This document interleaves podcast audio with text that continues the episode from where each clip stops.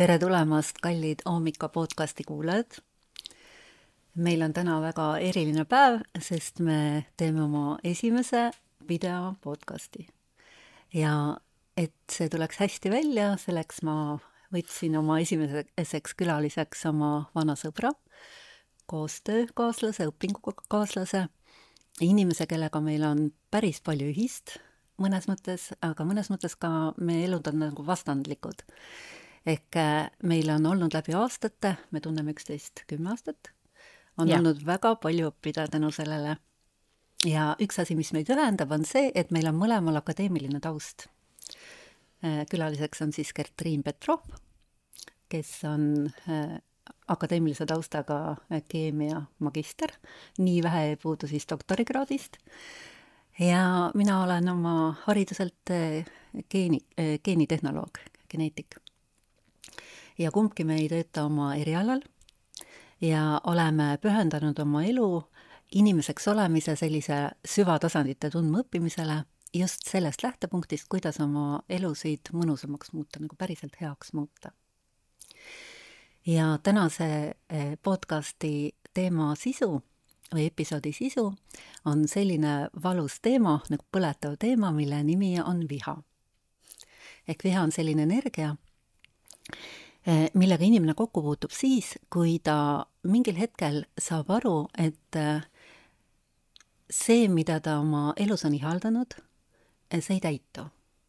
ehk täitumata ihad, täitumata soovid, frustratsioonid viivad paratamatult viha seisundini, see on ühelt poolt ja teiselt poolt, kui inimene saab, mingil hetkel ta saab nagu hästi mm, nagu piisavalt sellistes letargilistes, apaatsetes, passiivsetes seisundistes selles elamises saab nagu kõrini, ehk ta tunneb, et ta ei jaksa enam ohver olla. ehk tundub justkui, et kõik muu on parem kui ohver olemine, siis tal ärkab viha selle vastu, et ta on nii palju oma elu äh, raisanud selle energia peale. viha on hästi trikienergia ja kuna meil mõlemal on sellega päris kõva kogemus, siis hakkame otsast arutama tere kõikidele kuulajatele, minul on tõesti akadeemiline taust, aga nüüd ma peaaegu varsti töötan oma erialal. et kui ma olen uurinud, mina tegelen siis lastega tegelikult põhimõtteliselt ja, ja koduse, kogu see kodune keemia ja kõik see, siis nüüd ma olen loomas siis õpikeskkondi lastele, kus nad saavad inimestena õppida just sedasama asja valuvabalt kõike, mida meie oleme siis õppinud Valuga. siis läbi valu, on ju. ja kui me vihast räägime, siis minu jaoks ongi niisugune märksõna viha ja valu ja, ja ma olen vaadanud oma laste pealt, et kuidas see viha kujunemine siis hakkab, sest ma arvan, et pole ühtegi vanemat, kes poleks olnud hädas vihase lapsega ja vihase iseendaga seal vihase lapse kõrval, eks ole. jaa, et kõigepealt ongi see, et, et võib-olla me iseenda viha ei märkagi, võib-olla me õigustame enda viha, võib-olla me peame seda normaalseks, mina näiteks arvasin küll, et viha käib elu juurde ja, ja see on hästi normaalne aga kui ma sain nagu emaks, siis ma hakkasin vaatama, et oota, et aga midagi on ju teistmoodi. Et laps on vihane, mina olen vihane, mees on vihane, et see sõna viha, et ma olen tegelikult läbi elu kasvanud vihaste inimeste sees mm., raevukate vihaste inimeste sees ja mind ennast kasvatati vaikseks hiirekeseks ja esimene asi, mida ma tahaksingi puudutada, on tegelikult see, et äh, kuidas just naisterahvad minu meelest äh, loobuvad oma viha kasutamisest kas siis viha saab kasutada nagu mingil konstruktiivsel moel või õigesti sinu arust? Tead, ma leidsin niisuguse põneva avastuse, et ma olen ka olnud nii-öelda nagu natuke nagu vaimsel teel ja siis natuke nagu keemiku teel ja, ja vaatan siia, vaatan sinna, otsin niisuguseid lahendusi iseenda jaoks ja siis ma avastasin, et tegelikult sõna ego on ju, kõik kardavad sõna ego, kõigil on nagu meeletu hirm sõna ego ees. aga tegelikult on olemas niisugune asi nagu kaitsev ego no näiteks, kõnnid pimedal tänaval, seal on karijoodikuid ja sa pead sealt läbi minema, sul ei ole mitte mingit valikut. ja nüüd sa võtad oma kaitsvaiga, ehk sa lood ennast hästi selliseks äh, nagu kui keegi sind vaatab, siis sa oled, siis sa oled nii kuulikindel, et, et keegi ei taha sinuga norida näiteks mm.. sa oled selja sirgu ja siis sa oled niisugune tugev ja sa lähed sealt kambast läbi ja sa jääd nagu täielikult ellu. ja, ja, ja siis ma sain aru, oota, aga miks me selle ego vastu sõdime, kui tegelikult me saame teda kasutada enda kaitseks ka ja, ja kui palju me oleme, mina näiteks olen maha maganud just neid samu vihasignaale, nagu keegi kogu aeg astub su jala peale, astub su jala peale, astub su jala peale ja sa kogu aeg naeratad ja sa naeratad ja sa naeratad. on ju, ja, ja olukord ei muutu tegelikult, nagu reaalselt ei muutu. Ja meil on kõigil kogemus, et kui me plahvatame, pärast on õhk jumala värske täiesti värske. ainult et probleem selle juures on selles, et, et vihaga käib kaasas see vägivald. sinna juurde nagu, näiteks hakkan sinu peale karjuma, onju, siis ma karjun sulle näkku kõik asjad, mida ma sust arvan ja, ja mida ma kõigest elust arvan ja ja pärast nagu saad aru küll, et tegelikult ma ju ütlesin õigeid asju ka, aga ma ütlesin väga palju valesid asju ka mis olid nagu üldistused või siuksed äh, vana valu, vana vimm hoopis kellegi teise vastu näiteks ja siis, kui me jälle laste juurde tagasi jõuame, siis me vaatame, et lapsed on oma vihas ääretult siirad oh. tegelikult mm -hmm. ääretult siirad. ta vihastab, ta vihastab väga siiralt, ta ei too seda mingit äh, väiksed lapsed just, ta ei too seda mingit vana asja kaasa, puberteedid toovad vana asja ka kaasa, siis loevad juba sulle sinu moodi kõiki asju niiviisi ette, onju. aga laste viha on hästi mõnus ja hästi siiras tegelikult. noh, probleem on see, et me ei oska teise inimese viha vastu võtta. mis sa arvad? Sest me ei oska enda sest viha vastu tekitab võtta. kohe vastureaktsiooni ehk kogu arukus kaob ära samal hetkel ja tekib kohe kaitsereaktsioon. jaa, sest meid on õpetatud, viha on halb. viha on nii halb, ära näita viha välja. tead, Annika, kui sa hakkad vihastama, siis sa ei ole naiselik enam seda, seda siis... õnneks mulle ei ole õpetatud. minule on õpetatud. ja siis on mhm. tegelikult täpselt, tekibki selline olukord, et meil tekivad viielised tüdrukud, kes ei julgegi vihastada ja siis jääb viha nii-öelda meeste pärusmaaks. ja siis, kui me vaatame, siis äh, mehed julgevad vihastada, nad tulevad. mitte kõik. mitte kõik, aga ma ütlen, see, keda mina olen näinud, on väga vabad vihastajad olnud, et mul on siis niisugused erilised mehed ümberringi, onju.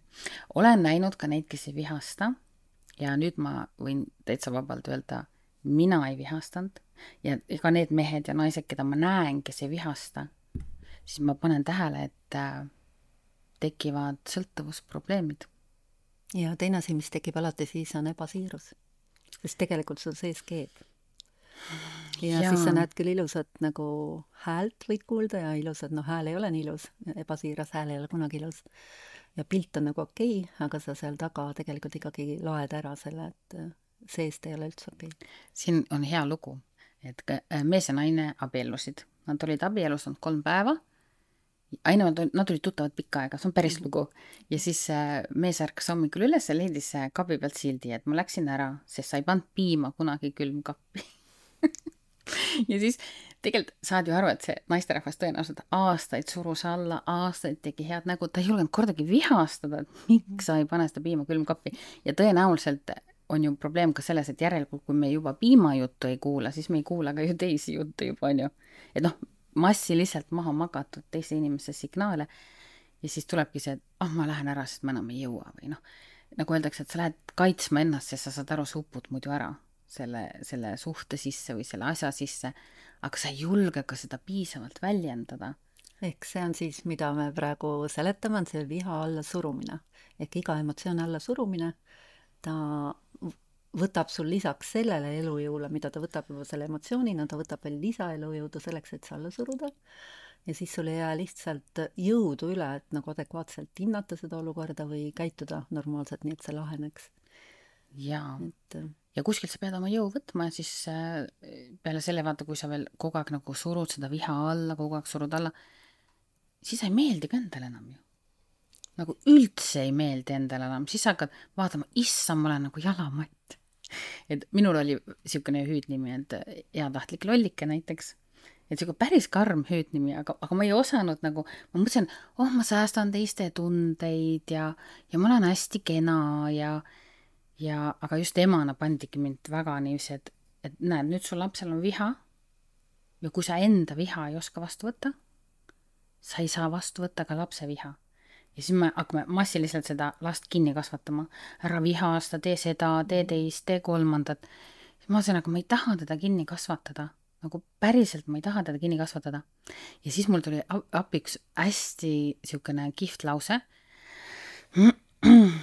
ma räägin ühest episoodist ka, mis on niisugune, mida ma tegelikult avalikult ei taha väga rääkida, aga okei okay,, ma räägin, onju. et kui ma olin viisteist, siis äh, ma sain nagu aru sellest, et äh, ma ei või ennast väljendada. Niipea, kui ma väljendasin, keegi solvus. või kui ma väljendasin ennast, äh, siis ma sain karistada ja ma, ma väga raskelt elasin üle seda, et ma ei saa ennast väljendada, täna mulle lihtsalt väga paljud inimesed kirjutavad, et et kuidas sa nii avalikult kirjutad ja kuidas sa nii avatult räägid ja et ma, et ma see on üks põhjus, miks ma su kutsusin, et siit saab midagi siirast ometigi. et, et inimesed tunnevad, et nad surevad sees ära, kui nad ei saa. ja, ja viieteistaastasena siis tegelikult ma proovisin esimest korda elust välja astuda ja ma päriselt? Päriselt. ja, ja see oli nagu niivõrd, ja siis ma mõtlesin, kuidas kuidas nagu viiakse inimene sellisesse seisu, et ta tahab sihukest asja teha ja siis tuli üks lause tuli mulle nüüd äh, mingi aasta aega tagasi, sihuke see, tuli nii hea lause, ma annan teile selle edasi, oli see, et aga mida sa nagu tegelikult tahad? Et kas sa tahad nagu, ma arvasin kogu aeg, ma olen inimene, kes on tahtnud elust välja astuda. aga siis ma sain aru, ma pole kunagi tahtnud elust välja astuda. ma tahtsin ennast väljendada. ma tahtsin, et mul oleks nii turvaline, et kui ma ütlen siis ma saan seda öelda. aga vaadake. sind ei tapeta ära seal selle. täpselt, aga mm -hmm. kui mhm. me ei saa aru, on ju, mhm. sellest, mida nagu me, mis on nagu tegelik probleem selle jäämäe all, on ju mm. -hmm. et siis, siis siit tekivadki tegelikult siuksed valearusaamad iseenda kohta mm. -hmm. Ja nüüd, kui mu laps vihastab näiteks, on ju, siis esimene asi, mul lause jookseb peast läbi. mida ta tegelikult tahab? ja, ja me läheme väga sügavale vaatama, sest et viha on nagu selline no sa lähed õue, sa tunned, sul on külm, sa paned riided selga või siis sa paned oma käe kuuma pliidi peale, siis sa tõmbad käe ära, sul hakkab kuum. viha on sama asi.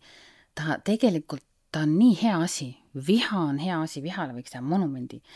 Viha on nii hea asi, et ta ütleb sulle, et midagi on valesti. mine sügavamale. et keskkonnas on midagi, mis on kuuma või külma midagi on valesti, okay. et kui me nüüd taibaks küsida mm, -hmm.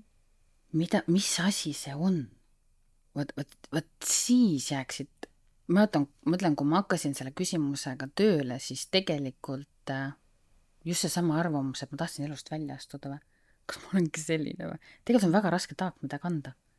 Ja siis ma sain aru, ma pole kunagi tahtnud elust välja astuda, onju. minu mees oli krooniliste vihaprobleemidega, no ta oli ka nii vihane, aga välja paistis kõik hea onju, aga koduuks läks kinni, siis oli nagu, mina elasin nagu siukse härjaga koos. ma isegi kõndisin hästi vaikselt ühest toast teise, et teda mitte vihale ajada, mu isa oli samasugune, mu vanaisa oli samasugune. et noh, silmnähtavalt ma olen pidanud viha tundma õppima okay.. ja siis, kui ma nagu hakkasin niiviisi vaatama, et okei okay,, et ma ei saa vihase inimesega hakkama. aga ma saan vaadata teda teistmoodi, mida ta tahab ja siis ma hakkasin hästi õrnalt nagu küsima niimoodi. aga mida sa tegelikult tahad mulle öelda? nagu, mis asi see on? ja siis mu mehe seest tulid nagu siuksed rööked välja, ma tahan lihtsalt, et sa armastaksid mind. ja mul oli nagu, nagu ütle seda siis aga meid ei ole õpetatud. meid ei ole reaalselt õpetatud vestlema ega omavahel rääkima ja teine asi on see, et meie selles kultuuri kontekstis tegelikult ei olegi üldse olemas sellist nagu teadmist emotsioonidest, et meil on see üks suur tohutu segapudru ja äh, see on see põhjus, miks me üldse selle podcasti lõime, et luua selline tohutu selgus selles emotsioonide klassides, äh, sinu ja emotsioonide vahelises suhtes, et luua selline pähe selline hästi suur selgus ja teadmine ja sellest tuleb arusaamine, kus sa hetkel oled, ehk sa saad panna iseendale diagnoosi ja äh, siis ma alati äh, käime, kui, kui ma kuskil podcast ides käin, siis ma võtan oma selle kuulsa tabeli, äh, Sedona meetodi baastabeli ette. et viha, kui me vaatame siin tabelis, on täitsa keskel ja ta on üks nõks, kaks nõksu allapoole seda kriitilist piiri, kus inimene saab hakata tegelikult elama oma päris elu ehk hakkab tundma ennast päriselt õnnelikuna, mida me kõik tahame ja see viha seal, selle vahetult selle uhkus on seal vahel veel, selle joone all näitab seda, et sa tegelikult oled juba päris kaugel või kõrgel, ehk see on kaugelt-kaugelt parem, kui olla apaatias või kurbuses. aga see kõik, mis sa siiani rääkisid, see, et sa oled viha, et meid õpetatakse vastupidi, seda lõhkuvat nagu viha alla suruma, siis ta otseteed viib meid sisuliselt põrgusse, ehk ta viib kõige sügavamasse olekusse või kõige mitteõnnelikumasse seisundisse üldse, kus inimene olla saab, ehk täiesti apaatiasse. täielikult, jah. ja, ja, ja kus need eh, elust väljaastumise eh, mõtted tulevad inimesele ainult sellest seisundist. et siin on nagu selles mõttes on, loob tohutu selguse, kui sul on selline skeem seal taga. et ma olen samamoodi selline teadlase ajudega, et mulle õudselt meeldib, kui asjad on skeemides, valemites hästi täpsed ja siis selline noh, ütleme selline psühholoogiline jutt, kus ei ole ju ainet kuskil, aga siis sa saad, nii kui sa tead, kus kohas sa oled, kus on viha, kus on elust väljaastumine, kuidas saab teha level up'i, kuidas tekib level down kogu aeg, et siis muutub hästi lihtsaks ja, ja mina avastasin ka niisuguse asja, kuidas vihast vägivalda lahutada nagu hästi kiiresti, et -hmm. täna ma õpetan seda oma lastele. hetkel mul on niisugune vihakursus on aktiivne, millega vihakursus saab, päris. lausa vihakursuse tegi sest ma, sest ma, ma ise jõudsin sellisesse seisu eelmise aasta novembrikuus, kus mul oli kas sure ära või võta oma viha vastu mm. -hmm. ehk mul lõi nagu kõik kaaned pealt ära niimoodi ja siis ma avastasin, et aga viha on nii äge tunne tegelikult, et ta nagu ta on ära... jõuline tunne, sa saad ta... hakata oma jõudu tagasi saama. just, ja kui sa sealt selle vägivalla välja saad võtta -hmm. et praegu nagu tagasiside on niisugune hästi tore olnud, et naised, kes on, just naised on mul seal, sellepärast ma naeran, et see on nagu see naistelt võetud vägi tegelikult mm. et, et naiste tagasiside on niisugune, ah oh,, ma kodus enam seda vihastamist seal ei kardagi, et ma hakkan juba aru saama, miks see toimub seal et see on nagu, nagu mm. hästi kihvt, et kui me võtame vihast vägivalla välja ja, ja siis sa nagu mida vaat... sa silmas pead, et siis, kui sul viha tuleb, et sa ei lajata sellega kellelegi teisele selle energiaga? täpselt, et sa ei lähe nagu nülgima. aga ei suru ka alla, et ei, ei ole vägivaldne enda suhtes? absoluutselt ei mis suru järgi jääb? mis siis järgi jääb? järgi jääbki niisugune, kuidas ma kirjeldan, kui ma võtsin oma elu esimese viha vastu siis ma tundsin, mul läks selgroog nii sirgeks. ma tundsin esimest korda, ma olen tugev. ja siis ma vaatasin, ma ei saa enam kunagi nii lollik olla siin võib keegi küsida, mida tähendab viha vastuvõtmine? aga see on üks tehnika. tegelikult hästi lihtne, kõige lihtsam asi, mis mhm. saab teha, lõdvestu lihtsalt kas lihtsalt lõdvestad füüsilise keha või midagi veel? Äh, kõige lihtsam on, arusaadavam ka lastele on, lihtsalt lõdvesta füüsiline keha mm -hmm. ja ära ähm, ära tee seda käitumisakti, mis sa tahad teha sest see on alati pingestumine. see on alati pingestumine okay.. lihtsalt lõdvestu ja need esimesed lained käivad üle mm. -hmm. ma arvan, et kõik on saatnud teele ühe emaili, mida nad pole tahtnud saata ja ma arvan, et kõik on teinud ühe telefonikõne, mida nad pole tahtnud teha, onju. ja öelnud midagi, mida ja öelnud midagi, just. et, et vihas on sinu elujõud, aga seal ei ole nagu selles mõttes käitumuslikku tõde oo oh jaa, siis ta lõhub juba. jah, seal ei ole käitumuslikku tõde, aga seal on elujõud ja siis peaks rakenduma niisugune mõnus analüüs, vaata. aga mille pihta ma siis nüüd sõitsin? et mis on see, mida, mis, mis mind äratab ülesse mm? -hmm. et mis, mida, mida ma nagu keeldusin, mida ma nagu keeldusin siis söömast et see on ja nagu see. ma toon siia sisse ikkagi, et kuna me oleme mõlemad Gertriiniga emotsioonide vabastamise õpetajad, ja siis on ka üks selline äh, nagu kiirtee või kiirmeetod äh, emotsioonidega kiirelt hakkama saamiseks. jälle, kui sa tead, mis sa oled või milles sa parasjagu oled, siis on sellel hetkel, kui sa koged näiteks vihasööstu et seesama impulss, mida sa muidu siis paiskad kuhugi välja või surud talle, ehk oled vägivaldne kas teise vastu või vägivaldne iseenda vastu mm., täpselt sama impulsiga sa saad selle viha vabastada, just vägivalla vabastada sellest jõust, et saada sama ports elu tagasi ehk siis see, see Donna meetodi baasteadmine on, et Just. absoluutselt iga äh, energia sees, ükskõik mis taga ei ole, on ta viha või apaatia või midagi muud, aga viha on lihtsalt nii suur, ehk tal on seda jõudu palju, et alati, kui sa ta vabastad, siis sa saad sama portsu puhast armastust ja jõudu tagasi.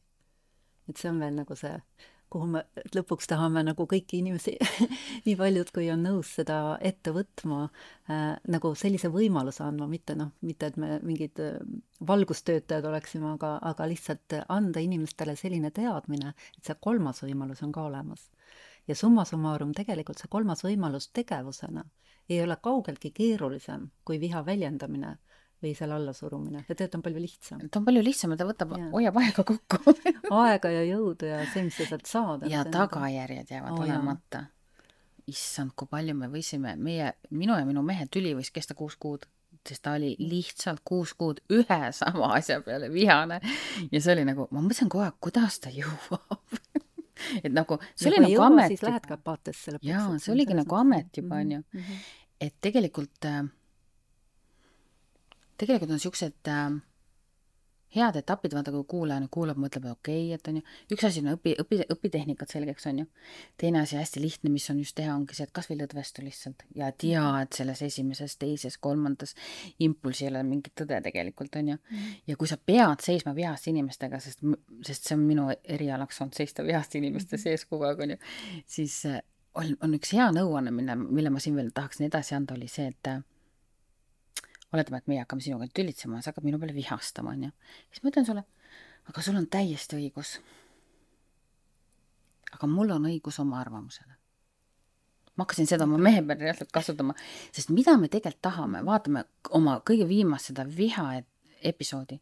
ma tahan, et ta mõistaks mind, onju. ma tahan, et ta, et ta kuulaks mind, onju. ma tahan, et ta saaks minust aru.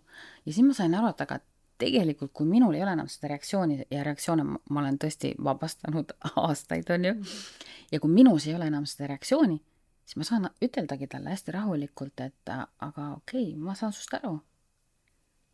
kuigi võib-olla see sellel hetkel ei tule siiralt, aga ta saab mingigi doosi seda arusaamist, mis tal on vaja, ta võtab toonid alla ja siit saab minna edasi. lastele on hästi lihtne ju öelda. Ma saan sinust aru, sa oled nii vihane, Gordoni äh,, Gordoni perekool on ju sellele üles ehitatud, et me mina keelega ja selle äh, keskkonna loomisega võtame lapse vastu. aga seesama asi rakendub tegelikult igale poole mujale. Ja kui sinus on reaktsioon, ta lihtsalt ei ole siiras, noh, kui sa seda ütled, aga siiruseni on võimalik jõuda, ma tegin ära neljapäeval kübaratriki no muidu ma ei tea, kas ma olekski siia tulnud okay. aga ma tegin ära neljapäeval kübaratriki, mu unistus oli see, et ma suudan lapsi hästi siiralt vastu, siiralt vastu mhm. võtta.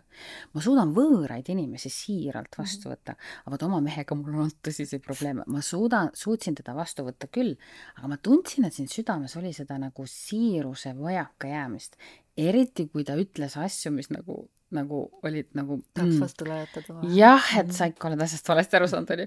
ja siis neljapäeval avanes mul siukene hea võimalus teda täiesti siiralt vastu võtta ja siis ma vaatasin ennast kõrvalt ja vaatasin, okei okay,, nüüd on mul jäänud üks unistus veel, mida täita nagu selles mõttes nagu iseennast hästi siiralt vastu võtta oh,. sa sellega ei ole lõpuni jõudnud? sellega ma veel ei ole lõpuni jõudnud jah. Sest kõigepealt mul on see vihafoon olnud hästi suur üleval mm. -hmm. et ma olen pidanud nagu reaalselt kogu aeg härgadega võitlema ja see pole nagu lihtne olnud ja just see osa, et kui sa ei ole veel äh, nagu lubanud endal võideldagi, see on veel eriti hull. see on sa veel eriti hull. sa tead, et sul on õigus, aga sa ikkagi tahad nagu olla piisavalt hea. ja siis lähed, võtad oma šokolaadikeri diivani peale ja no, siis teed selle ei ju, ei ju, ei ju, siis sul ei olegi, sul ei ole seda kapatsiiti endaga tegeleda mm. -hmm ja, ja ma tean, et väga paljud naised täna, kes mulle kirjutavad, on samas situatsioonis ja nad on niisuguses vihakeskkonnas mm. -hmm. ja nad ütlevad, nad tahaks kõige rohkem jõuda ka selleni, et nad iseendale meeldiksid. aga nad lihtsalt ei saa, sest nad peavad kogu aeg võitluses olema.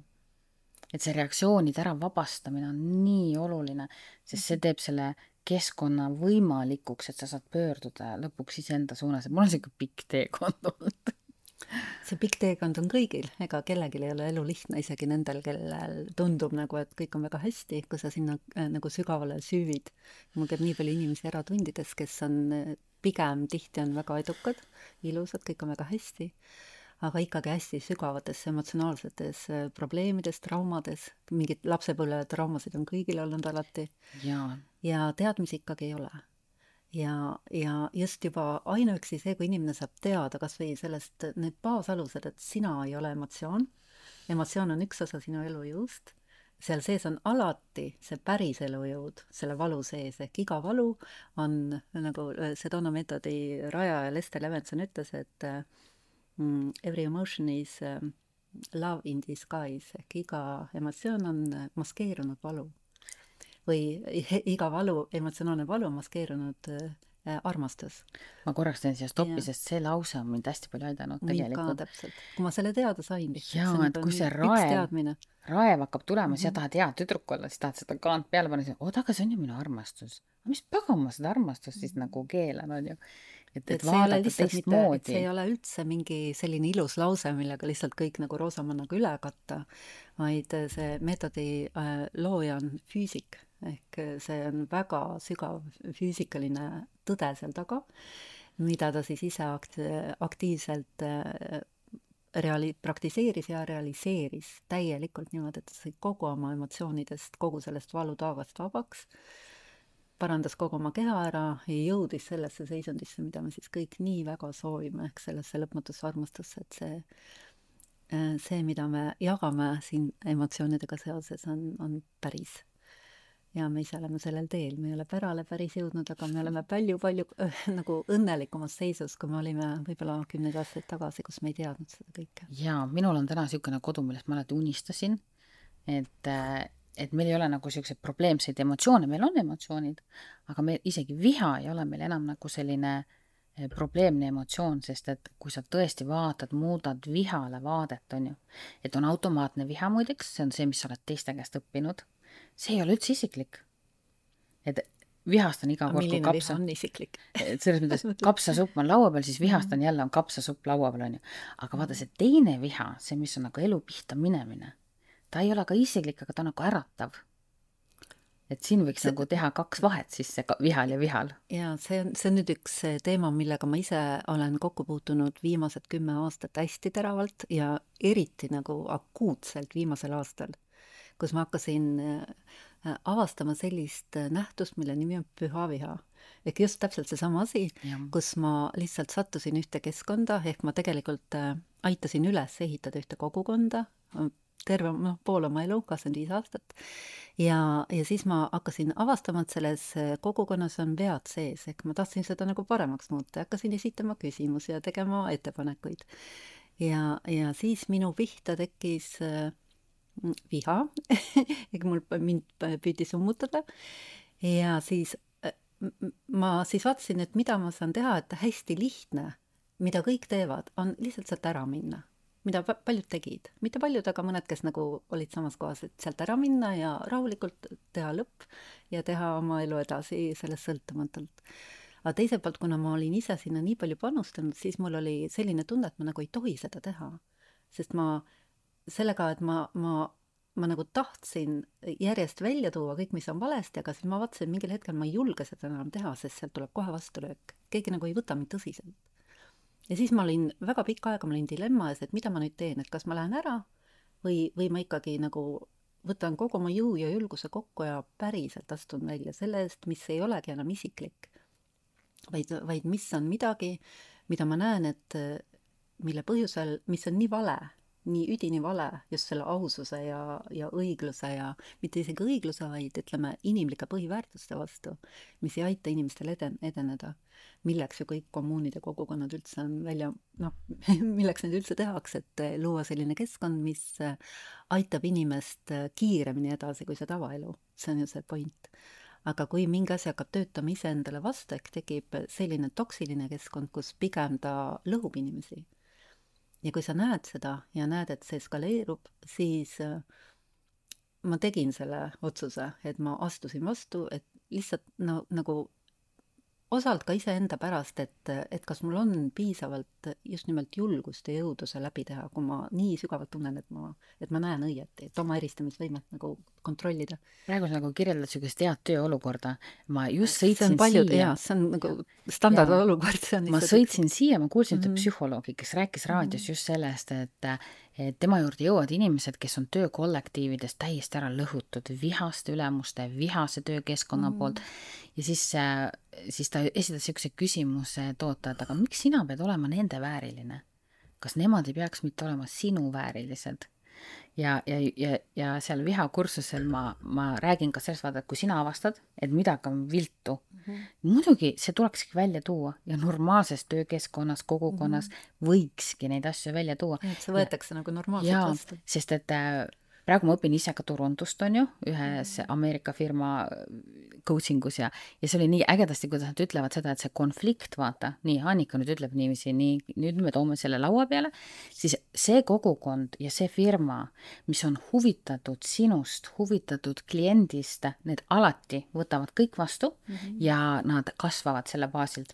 ja kui sa tahad teada, et asi on ikka väga mäda, on see, kus midagi välja tuua ei tohi. et mm -hmm. see on juba esimene märk, et põgene või, või, või või või, või astu vastu astu vastu ainult mm -hmm. noh, töökeskkonnas noh, ei ole väga võimalik ülemustele neile vastu astuda, kui sa lihtsalt oled mm -hmm. üks mhm. töötaja, on ju, et et seal on pigem see, see, et pigem astu siis ära, on ju, aga ära lõhu siis ennast enam edasi mm. -hmm. et minu jaoks oli see nii hea teadmine, et oota, kui mina, mul on õigus välja tuua asju mm -hmm. ja kui ma toon selle asja välja ja sealt tuleb viha mulle vastu mm, -hmm. siis see polegi keskkond, mis on minu vääriline ja see on minu vääriline, vaadake, ma olen kogu aeg olnud siukses madalas enesehinnangus, siukses apaatias on, vaadake, kus ma olen jõudnud, on ju, mul on ka vääriline keskkond lõpuks.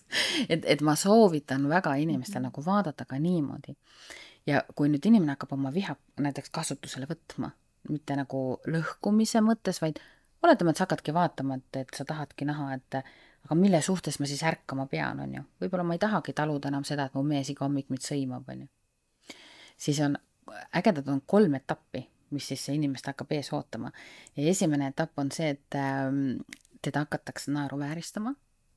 sest mitte ükski äh, süsteem mm, -hmm. mitte ükski ei võta su muutust vastu. -hmm. ja see on. sind ei võeta tõsiselt. ja kusjuures on päris äge, miks vaata, meil on mhm. mõtted ja meil on, meil on emotsioonid, on ju nüüd mina sain Annikaga tuttavaks kümme aastat tagasi, mul on Annika kohta omad mõtted, on ju. nüüd Annika hakkab muutuma ja minu mõtted ei käi ju enam temaga kokku ja siis meil ongi nüüd küsimus, et kas ma tahan tunda uut Annikat või ma lähen minema, sest et või sai... ma tahan teda muutma hakata, et ta tagasi tuleks. ja vot see ongi esimene asi, ongi ma naeruvääristan sind piisavalt, et sa muutuks minu mõtetele sobivaks mm. -hmm.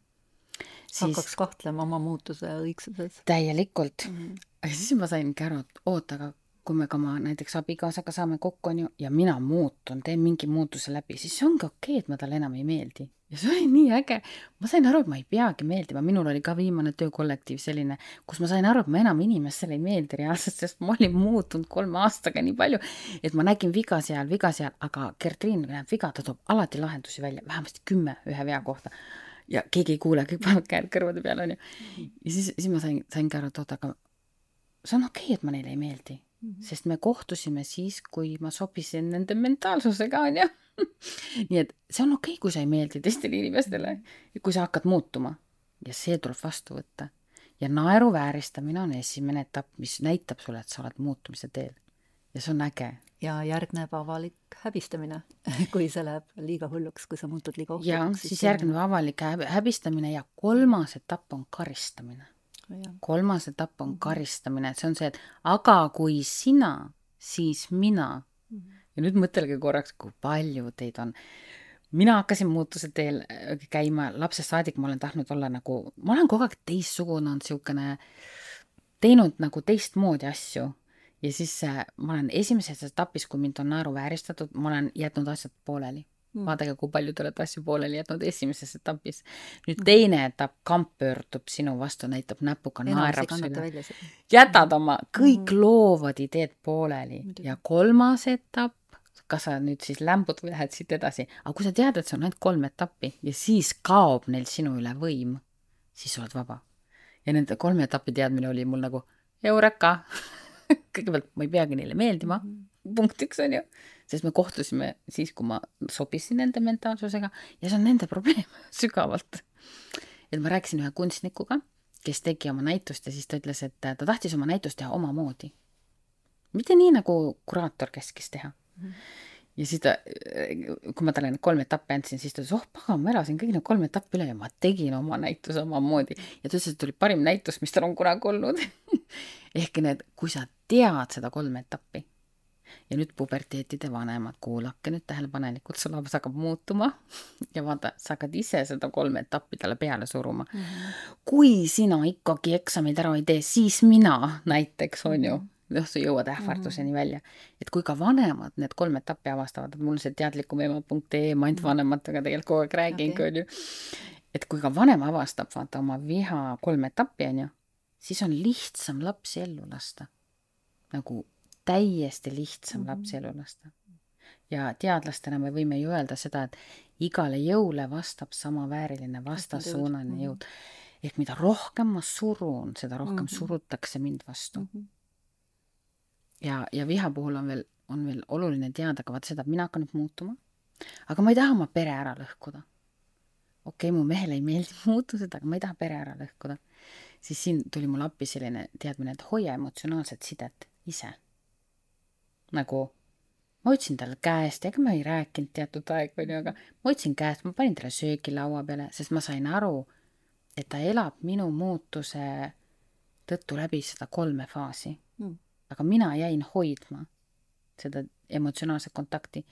ja kui ma olen hakanud muutuma ja ma ei ole hoidnud emotsionaalset kontakti, siis on hea viis suhetest vabaneda. Lihtsalt see emotsionaalse kontakti hoidmine on oluline, kui sa ei taha kaotada neid inimesi nagu oma muutuse teel. Ja noh, teine asi ikkagi, kui sa saad rääkida nende inimestega, kui nad on sul lähedased, siis on jube hea neile lihtsalt nagu selgust tuua üldse inimese arengust, ehk iga muutus tegelikult, see point on ju ainult selles, et sa lähed tugevamaks, targemaks äh,, julgemaks, eristamisvõime kasvab ja sul tegelikult tuleb armastust ja niisugust headust tuleb juurde et see on lihtsalt sa käid eba... mööda õiget rada no, no selles ongi see teadliku arengu point üldse.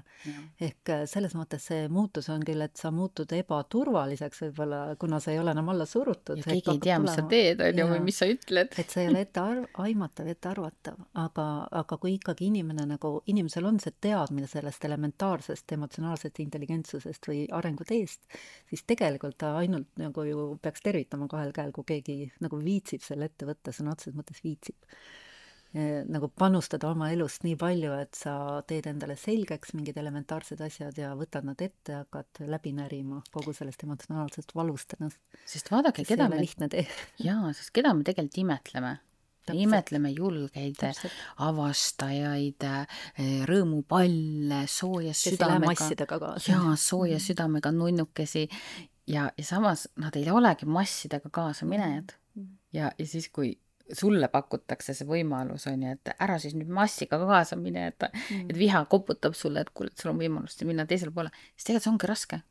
see on, siin on vaja, jaa, siin on vaja selgust, vaadake nagu need mm. siin on ju, need plakatid on mm. ju, ilma selle selguseta ma ei kujuta ette, et ma oleks saanud seda teha, sest ma pean teadma ju, mis minuga toimub ja kui ma tean, et teised hakkavad läbima kolme etappi, on ju mm, -hmm. siis ma saan olla heatahtlik nende suhtes mm. -hmm. aga kui ma isegi ei tea, mida nad läbi elavad, on ju, siis see on nagu vot siin sellest heatahtlikkusest mul tuli just nagu tohutu selline hästi suur selguse taipamine just selles protsessis, ma olen veel nagu osaliselt sees, suur osa on läbitud, minu jaoks on ta nagu juba okei okay on see, kui palju on tegelikult ühel inimesel jõudu, kui ta kasutab just õigeid nagu teadmisi ja energiaid, ehk ta ei lähe noh, isiklikult midagi kätte maksma või kellelegi halba soovima või et tal on nii palju halba tehtud nii pikka aega ja siis sa tahaks nagu, et teistel läheks halvasti, et see kõik lahendada ära ja, ja ainult lähtuda sellest, et see süsteem saaks nagu õigeks ja ennast hoida kogu aeg sellises nagu noh, nagu e-, e-, enda sees olla enda vastu hästi-hästi aus,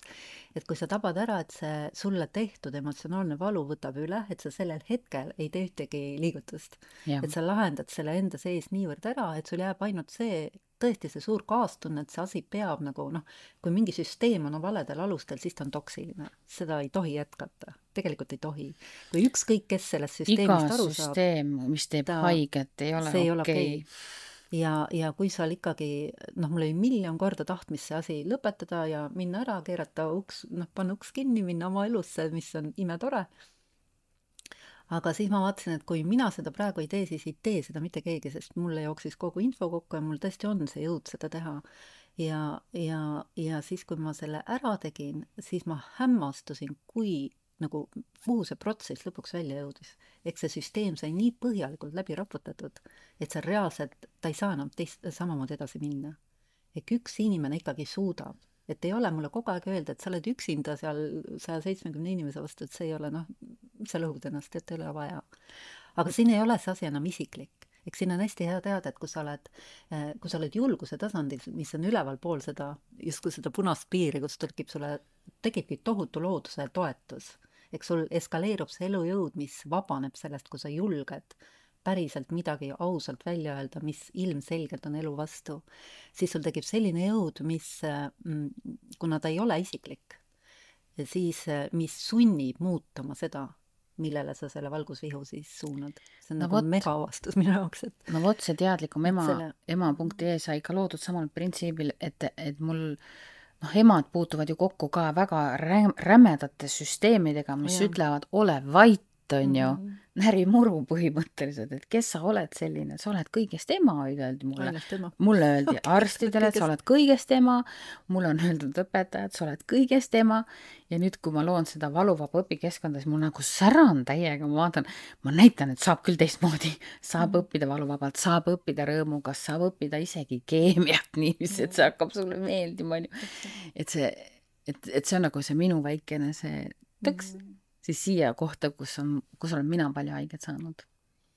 Ja üks ongi see, mida me siis tegelikult Gertriiniga koos siin ajame, see asi, mis on meil nagu hästi-hästi ühine, on see, et läbi teadmiste, läbi erinevate siis eluvaldkondade, natuke erinevates valdkondades tegeleme, eh, anda inimesele nii palju teadmist, et ta saab reaalselt oma jõu tagasi, just. jõu tagasi ja nii kui tuleb natukenegi jõudu tagasi, tuleb sul eristamisvõimet juurde, sa saad hakata selgemalt aru saama, mis maailmas toimub, mis sinuga toimub. saad natuke teadmist juurde, saad teada, kuidas nagu mingid asjad hästi lihtsalt, lihtsalt lahti vabastada näiteks. et ei pea nii palju kannatama, et see on Jaa, lihtsalt see. nii kui sa kannatad, midagi on valesti. kannatus kannatuse... ei tohi käia asja juurde mm, ja, ja ma ütlen ka, et, et minu poole näiteks pöördus ema, kelle laps öösiti karjub, onju. minu laps karjus ka öösiti. kõik ütlesid mulle, loll, kannata ära, onju, midagi teha ei ole, onju. aga emad teavad südames, et midagi peab. noh, lõpuks minu laps sai epilepsia diagnoosi, täna ta on terve. epilepsia, terve? täna ta on terve, jah. ja, ja siis äh, ma ka jul-, ütlen sellele emale, punkt üks, sa tead. ja kui sa tead, et sa tead, et sa tead, siis lammuta noh, mine küsi, mine nõua, seni kuni sa saad vastused. ei ole, mis mõttes ema ei tea, ema tunneb südames ju, ema tunneb seda. Mm. -hmm. ja vot seda jõudu ma tahan emadele tagasi anda, et te seiske, te tunnete, te teate, teist piisab tegelikult. ja teised peaksid olema sinu jaoks. Mm, -hmm. mitte sina ei ole teiste jaoks et Marveli film jookseb kinodes praegu väga hea ja seal oli niisugune pesukaru, on ju. ja pesukaru on igas filmis olnud kõrvaltegelane ja see filmis olid niisugused sõnad, mis ma mõtlesin, ma hakkan nutma.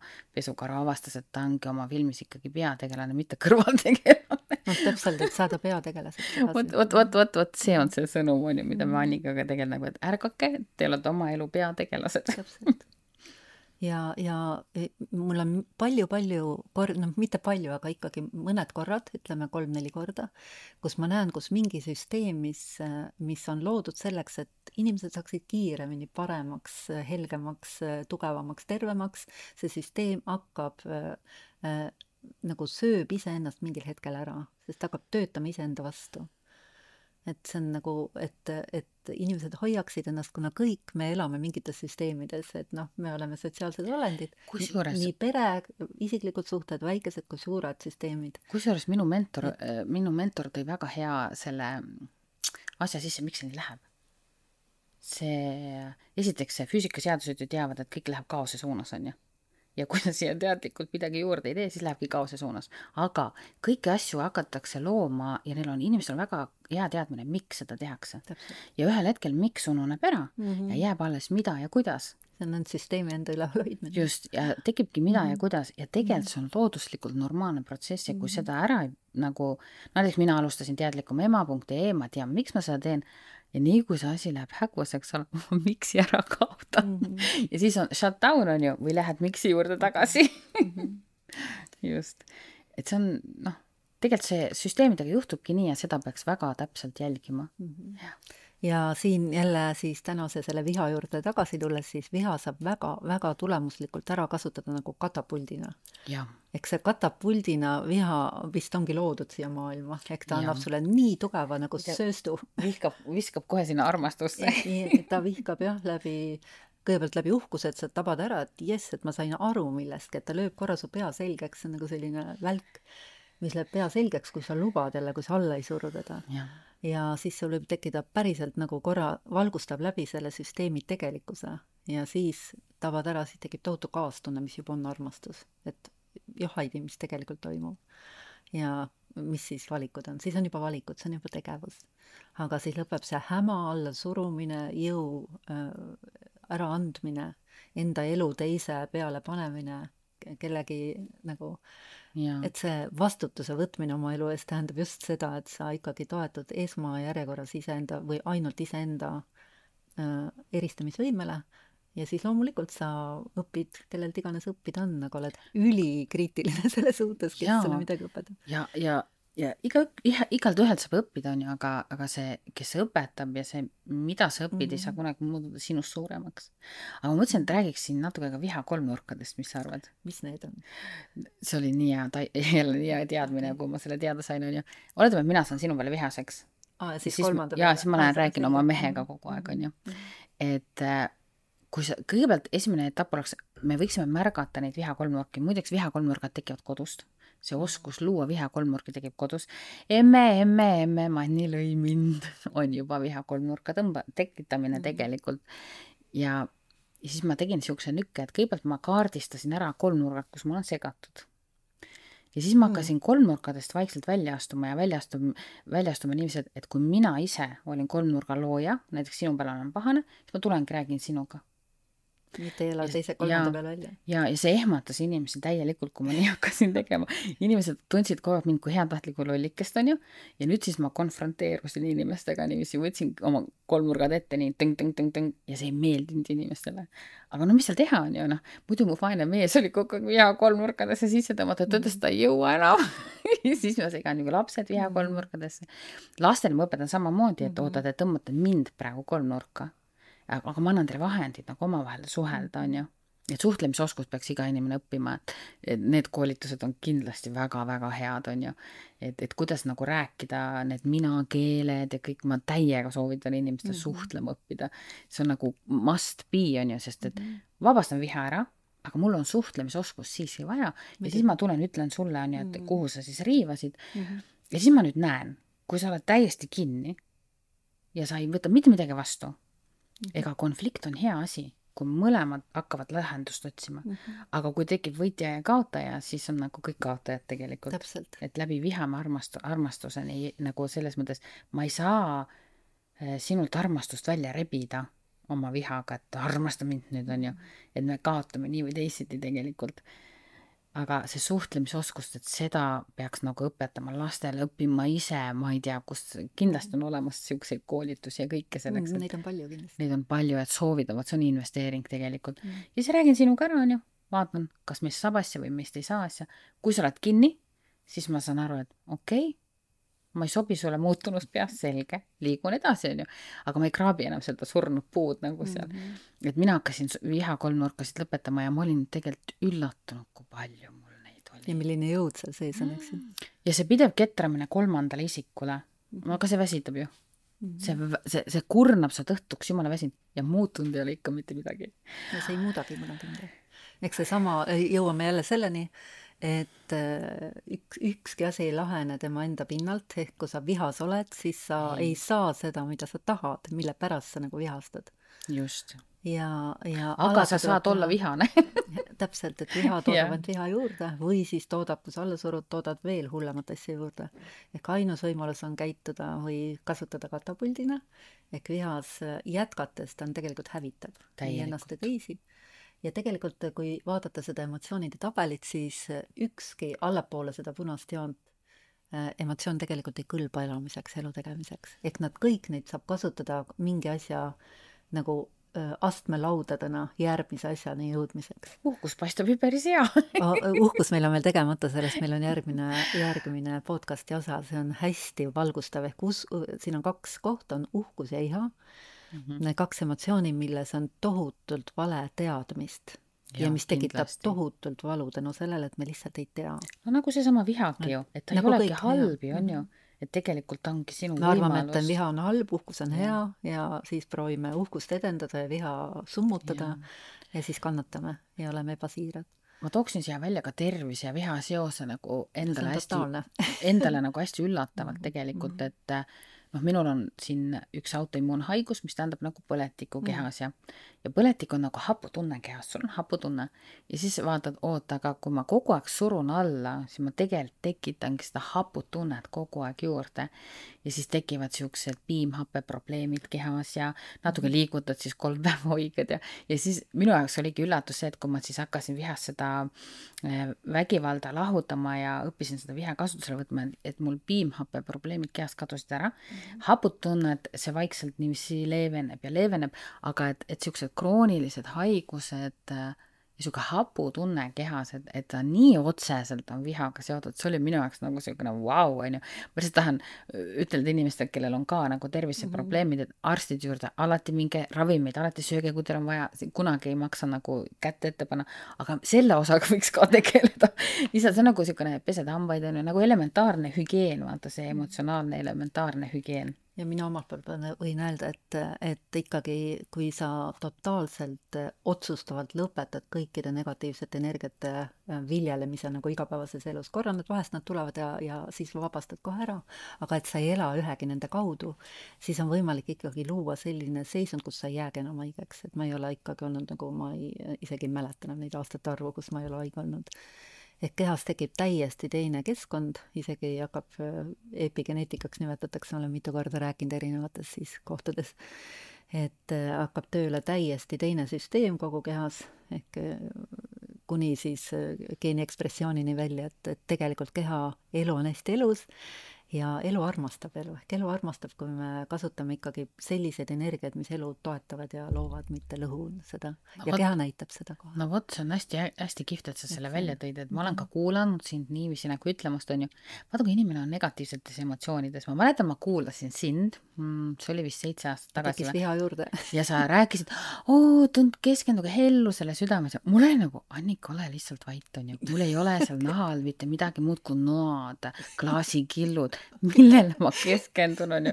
saad aru, mul oli nagu hämming, mis asja sa räägid, onju. Mhm. ja siis ma tegelikult eh, täna istun siin ja ütlen, et isegi kui inimesed, kes kuulavad meid, et neil on ka nagu noad ja klaasikillud nahal, leiab selle õrnuse ülesse, et täna noh, ma ütlen, et viha ei tekkinud juurde, mul tekkis hämming lihtsalt. aga vaata, ma olen uurija, kuule -hmm. kuule, äkki see on võimalik, äkki seal ongi midagi. -hmm. et nagu see välja võtta, vaata, kui üks sai, saavad teised ka ju, onju. jaa, onju ehk et see on nagu suur töö olnud, aga kui ma jah kuulsin sind sellest rääkimas, siis ma mõtlesin, mis hellust, ma olen sellist tagasisidet äh, saanud, saanud äh, mitte paljudelt, et ma olen seda natuke maha võtnud tänu sellele aga... ei, ei, tea, kas peab maha võtma lihtsalt. võib-olla seda hea vaata teada, et selleni võib jõuda mm, -hmm, sest tegelikult mind see innustas, aga ma saan aru, et kui sa vaata oled nendes hästi madalates mm -hmm. emotsioonides, siis see tegelikult võib tundub nagu, ebareaalne. jaa, siis võib nagu tunduda hoopis oh, reklaam mingi oh,, mis niikuinii ei ole tõsi. nii ilus, et mm -hmm. ta on nii ilus, tal on, mul ei ole, siis vaadake, näed mind, näete, ma pole siuke hale ja kena onju, aga ma ka jõuan juba vaikselt sinna, et tegelikult see on võimalik, et sa oled ju meeletu töö teinud ma, oma tervisega. nüüd ma hakkan aru saama, mul sai, mul said vereproovid korda, jah nüüd ma hakkan nagu aru saama sellest tegelikult, et ma alles nüüd jõuan selle kohani, vaata, et see viha mhm. ümber on ära lahendatud, on ju -hmm. et ma alles nüüd jõuan selle enda teemani. lihtsalt lohutuseks kõigile, kellel on raske olukord et ma vaatan siin, et meil aeg hakkab täis saama, et kas me oleme kõik saanud, kõik kindlasti mitte, aga midagi, mingi sellise olulise osa oleme saanud, mida sa tahtsid jagada või tahaksid veel midagi lisada sellel teemal? Ma arvan, et me saime selle küsimuse, siis me saime mm -hmm. kolm etappi, mis aitavad okay. välja tulla sellest olukorrast ja see teadmine, et kui sa ka midagi muud ei oska teha, on ju, siis lõdvestu ja ära lase seda esimest impulssi mm -hmm. välja, ära lase teist impulssi välja ja proovi vastu võtta siis see teine inimene läbi sellise nagu, okei okay,, ma saan sinust aru, on ju. üks hea lause on veel, et, et ma mõistan, ma mõistan, et sul on niisugune viha sees ja see on jumala äge, kui sulle see meeldib, aga tee seda teises toas et noh, siuksed väiksed lihtsad asjad on ju ja kindlasti ma, ma soovitaksin õppida selle asjaga tegelema. ja mina ka, et, et kes ikkagi, kellel on nagu kes on piisavalt kannatanud, ütleme niimoodi. ja, ja kes, või kes tahab ohvri kes, rollist välja kes saada. kes tahab näiteks. päriselt ja kiiresti ohvri rollist välja saada, siis noh, kiiremat meetodit paraku ei ole et lihtsalt on hästi mõistlik ära õppida see üks nõks kuidas äh, mitte ainult viha, vaid kõik siis need negatiivsed, emotsionaalne Just. valu vabastada.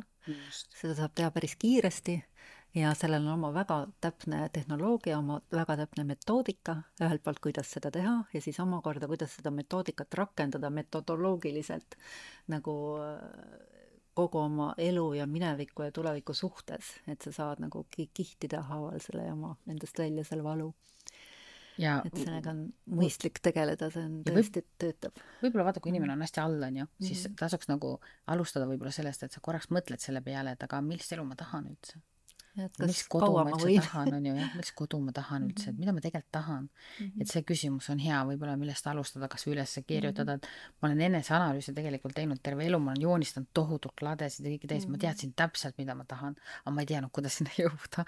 mul oli täpselt sama. kuni ükskord ma sain teada, et, et siuksed noh, tänu sellele me jõudsimegi selle ühe sama asjani, täpselt, et see et see on kõige kiirem. et sa peaksid looma selle drive'i on ju ja emadel on see drive lapsed. Tegelikult kasutage seda ära. täpselt. aga siis äkki lõpetame tänaseks, et olete oodatud siis meie kursustele. infot saab siis hoomika.ee ja teadlik ema. teadlikumema.ee Punkt ee. jah, suur tänu, Kertriin. me kindlasti kutsume veel sind, sellepärast et seda know-how'd, mida sul on praktiliselt jagada inimestega, seda ei ole vähe ja seda tuleb juurde järjest. et suur aitäh. Ja suur aitäh vaatajatele. aitäh. kõike head.